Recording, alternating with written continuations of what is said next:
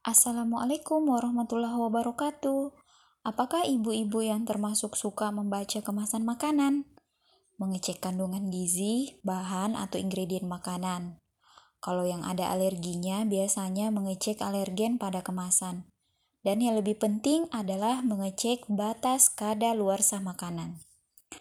Dari kemasan makanan, kita beralih ke kemasan obat, yaitu obat tradisional Indonesia. Obat tradisional ini sangat digemari oleh orang Indonesia loh.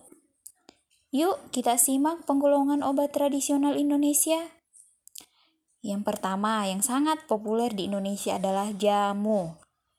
Di kemasannya terdapat logo ranting daun terletak dalam lingkaran. Yang kedua adalah obat herbal terstandar atau OHT Logo pada kemasannya adalah jari-jari daun sebanyak tiga pasang terletak dalam lingkaran. Yang ketiga adalah fitofarmaka. Logo pada kemasannya adalah jari-jari daun yang kemudian membentuk bintang terletak dalam lingkaran. Lalu apa perbedaan jamu, obat herbal terstandar, dan fitofarmaka? Jamu disediakan secara tradisional, jadi kita bisa mendapatkannya dalam bentuk seduhan, serbuk, atau cairan. Yang sedangkan obat tradisional terstandar bentuknya itu sudah berupa ekstrak atau hasil penyarian bahan alam yang didapatkan dari tanaman, binatang maupun mineral. Lalu bagaimana dengan fitofarmaka?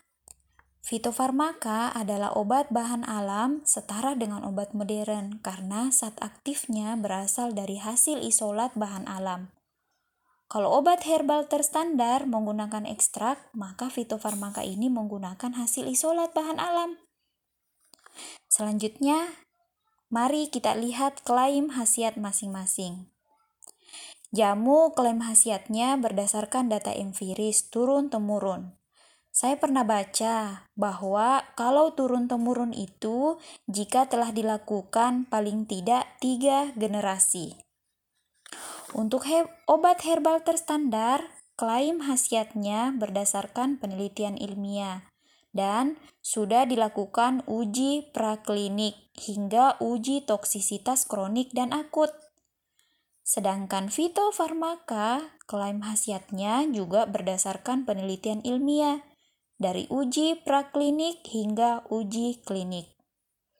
Mari kita cek cara produksinya. Jamu dilakukan secara tradisional, sedangkan obat herbal terstandar menggunakan teknologi yang lebih maju. Dan yang lebih penting, bahan bakunya telah distandarisasi. Adapun fitofarmaka, bahan baku dan produk jadinya juga telah distandarisasi. Nah, demikianlah tentang obat tradisional Indonesia. Jamu, obat herbal terstandar, dan fitofarmaka. Yuk, cerdas dengan mengenali logo obat tradisional Indonesiamu.